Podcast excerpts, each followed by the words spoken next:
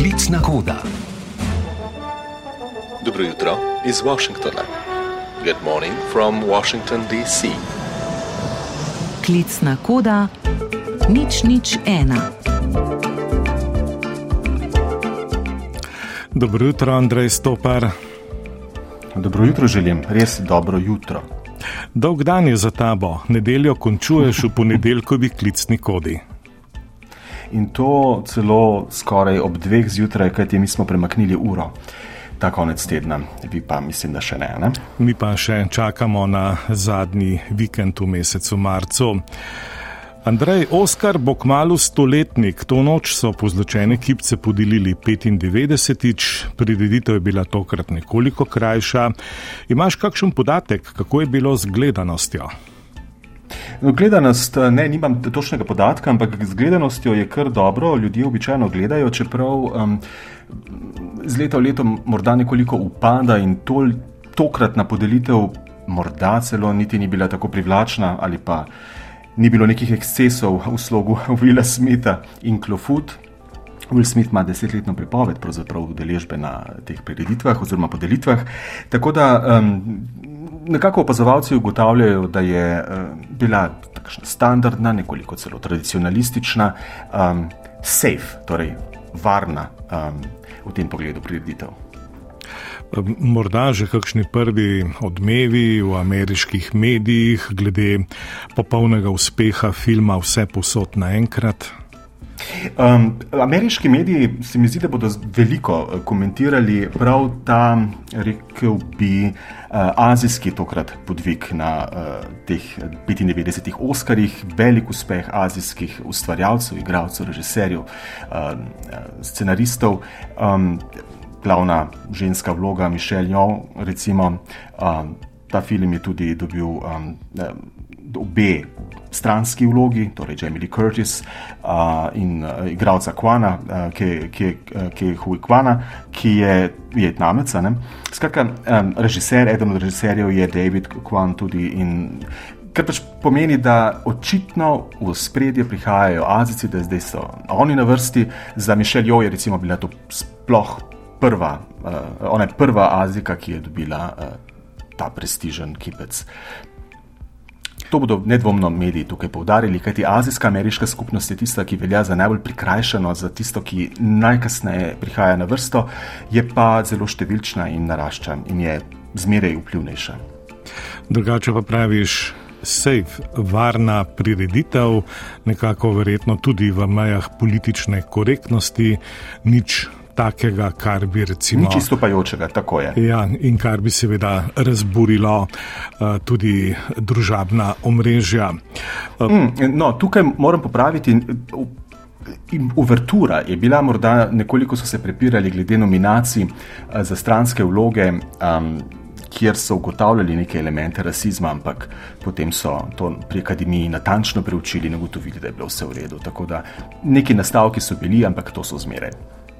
Ja, tudi dobitnica Oskarja za glavno žensko vlogo je nekoliko pred, nekaj dni pred podelitvijo razburila s tistim zapisom na družabnem omrežju, češ, da ima Kate Blanchett že tako in tako doma dovolj Oskarjev, dva, da ne potrebuje še tretjega in da bi bil čas za azijsko smer.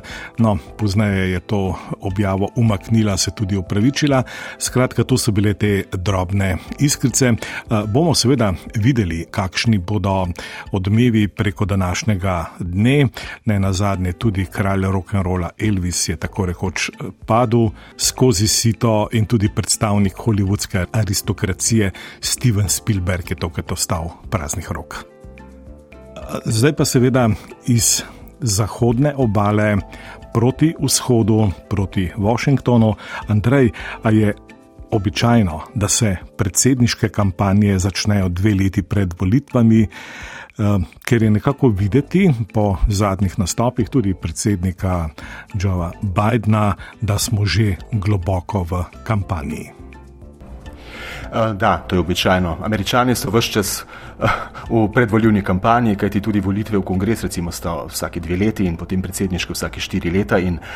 Da, tukaj so razglaš, razglašajo, predvsem na republikanski strani, kandidature.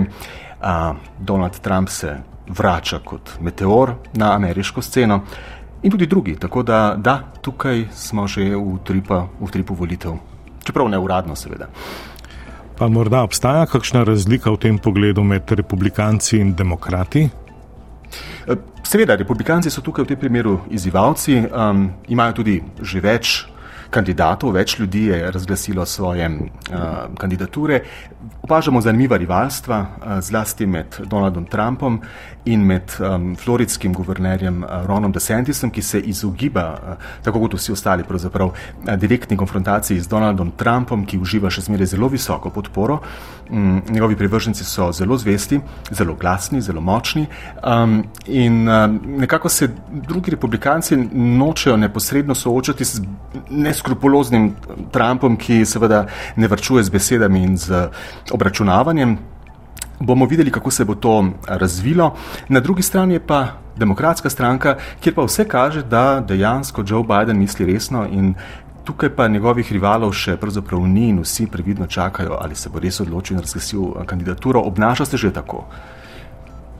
Ja, že tako težko razumljivo dejstvo, da se po dveh letih, odkar sta Amerika in svet videla in izvedela vse, kar je mogoče izvedeti o vdoru Trumpovih privržencev v poslopje kongresa 6. januarja 2021, ni enotnega pogleda na ustajo, pa je te dni dobilo nov, nenaden obrat, novo dimenzijo.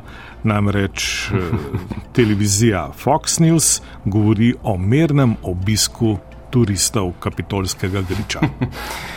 Da, tu je, lahko bi rekli, a je mogoče, da je to sploh res, kaj se dogaja, ampak dejansko, potem, ko je novi predsednik predstavniškega doma, Kevin McCarthy, republikanec, omogočil neuviran dostop televiziji Fox News in zvezdi Tuckerju Carlsonu, dostop do varnostnih posnetkov, oziroma posnetkov kamer na kapitolu tistega dne, to je ogromno, zelo več tisoče na tisoče ur, mm, je njegova ekipa, torej Karlsonova eh, ekipa, pregledala material, skrbno izbrala prizore, ki so kar se da nedolžni, in iz tega izlepila mm, prispevek, ki je bil objavljen eh, v Takarjevi eh, oddaji, in je bilo res dejansko.